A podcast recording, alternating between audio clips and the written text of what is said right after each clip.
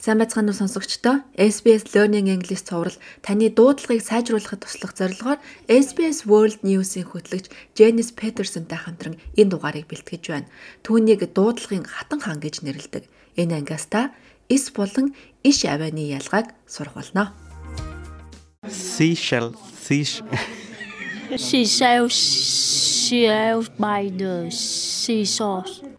She sells. She. Sh- Hello, I'm Janice Petersen, and you might recognise me from SBS World News. Speaking clearly is an extremely important part of my job. Some people have even said I've become a queen of pronunciation. Pronunciation is about speaking clearly and making the correct sounds so that you can be more easily understood by others. It's not about changing your accent. Your accent is part of you and your culture, and you don't want to lose that. We love accents.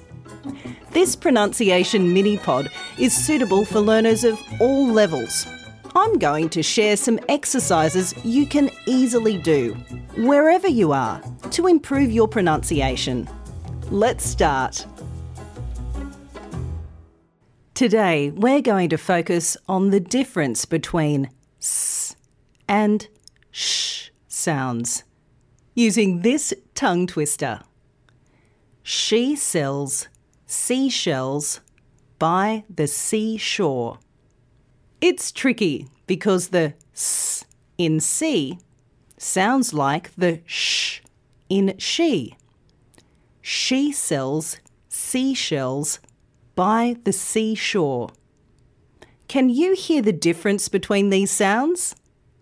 See and she. cells and shells. Don't worry. By the end of this podcast, you'll be able to hear the difference and pronounce these sounds with confidence. Let's start with the s sound in see and cells. Put your tongue against your bottom teeth. Touch your teeth together and gently blow through them. Can you imagine the sound that a snake makes when it hisses? Now, listen to that sound in these words see, cells. Okay, now listen to how I say the sh sound in she and shells. You can make this sound by rounding your mouth, putting your tongue down, and leaving your mouth slightly open. Shh. You can imagine the sound you use if you want someone to be quiet. Shh. Now, listen to that sound in these words and repeat after me. She. Shells. Here are some more examples. See if you can hear the difference. Sip. Ship. Seat. Sheet. Suit. Shoot. Save. Shave. Let's get back to the tongue twister. I'm going to start by saying it slowly, then more quickly. You might like to try it with me. She sells seashells by the seashore.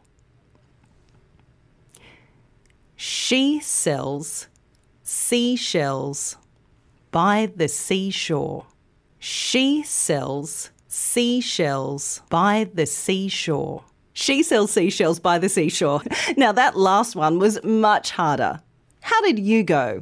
Let's hear how some other learners are doing. With us today are students from Wagga Wagga Library Language Cafe. She sells, she,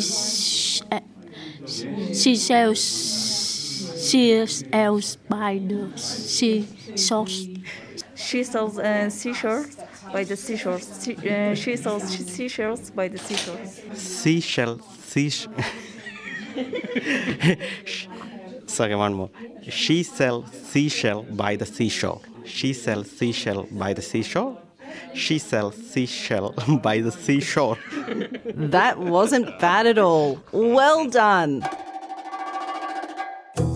Did you know this tongue twister was first written over a hundred years ago? It comes from a song written back in 1908 by Terry Sullivan.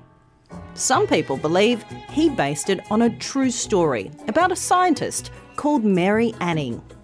In the early 1800s, Mary Anning collected and sold dinosaur bones and shells in England.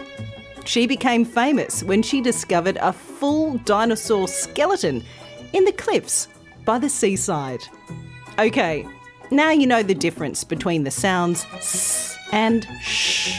You can go to sbs.com.au slash learn English to find the tongue twister and transcript for this episode. SBS Learn English helps Australians speak, understand, and connect.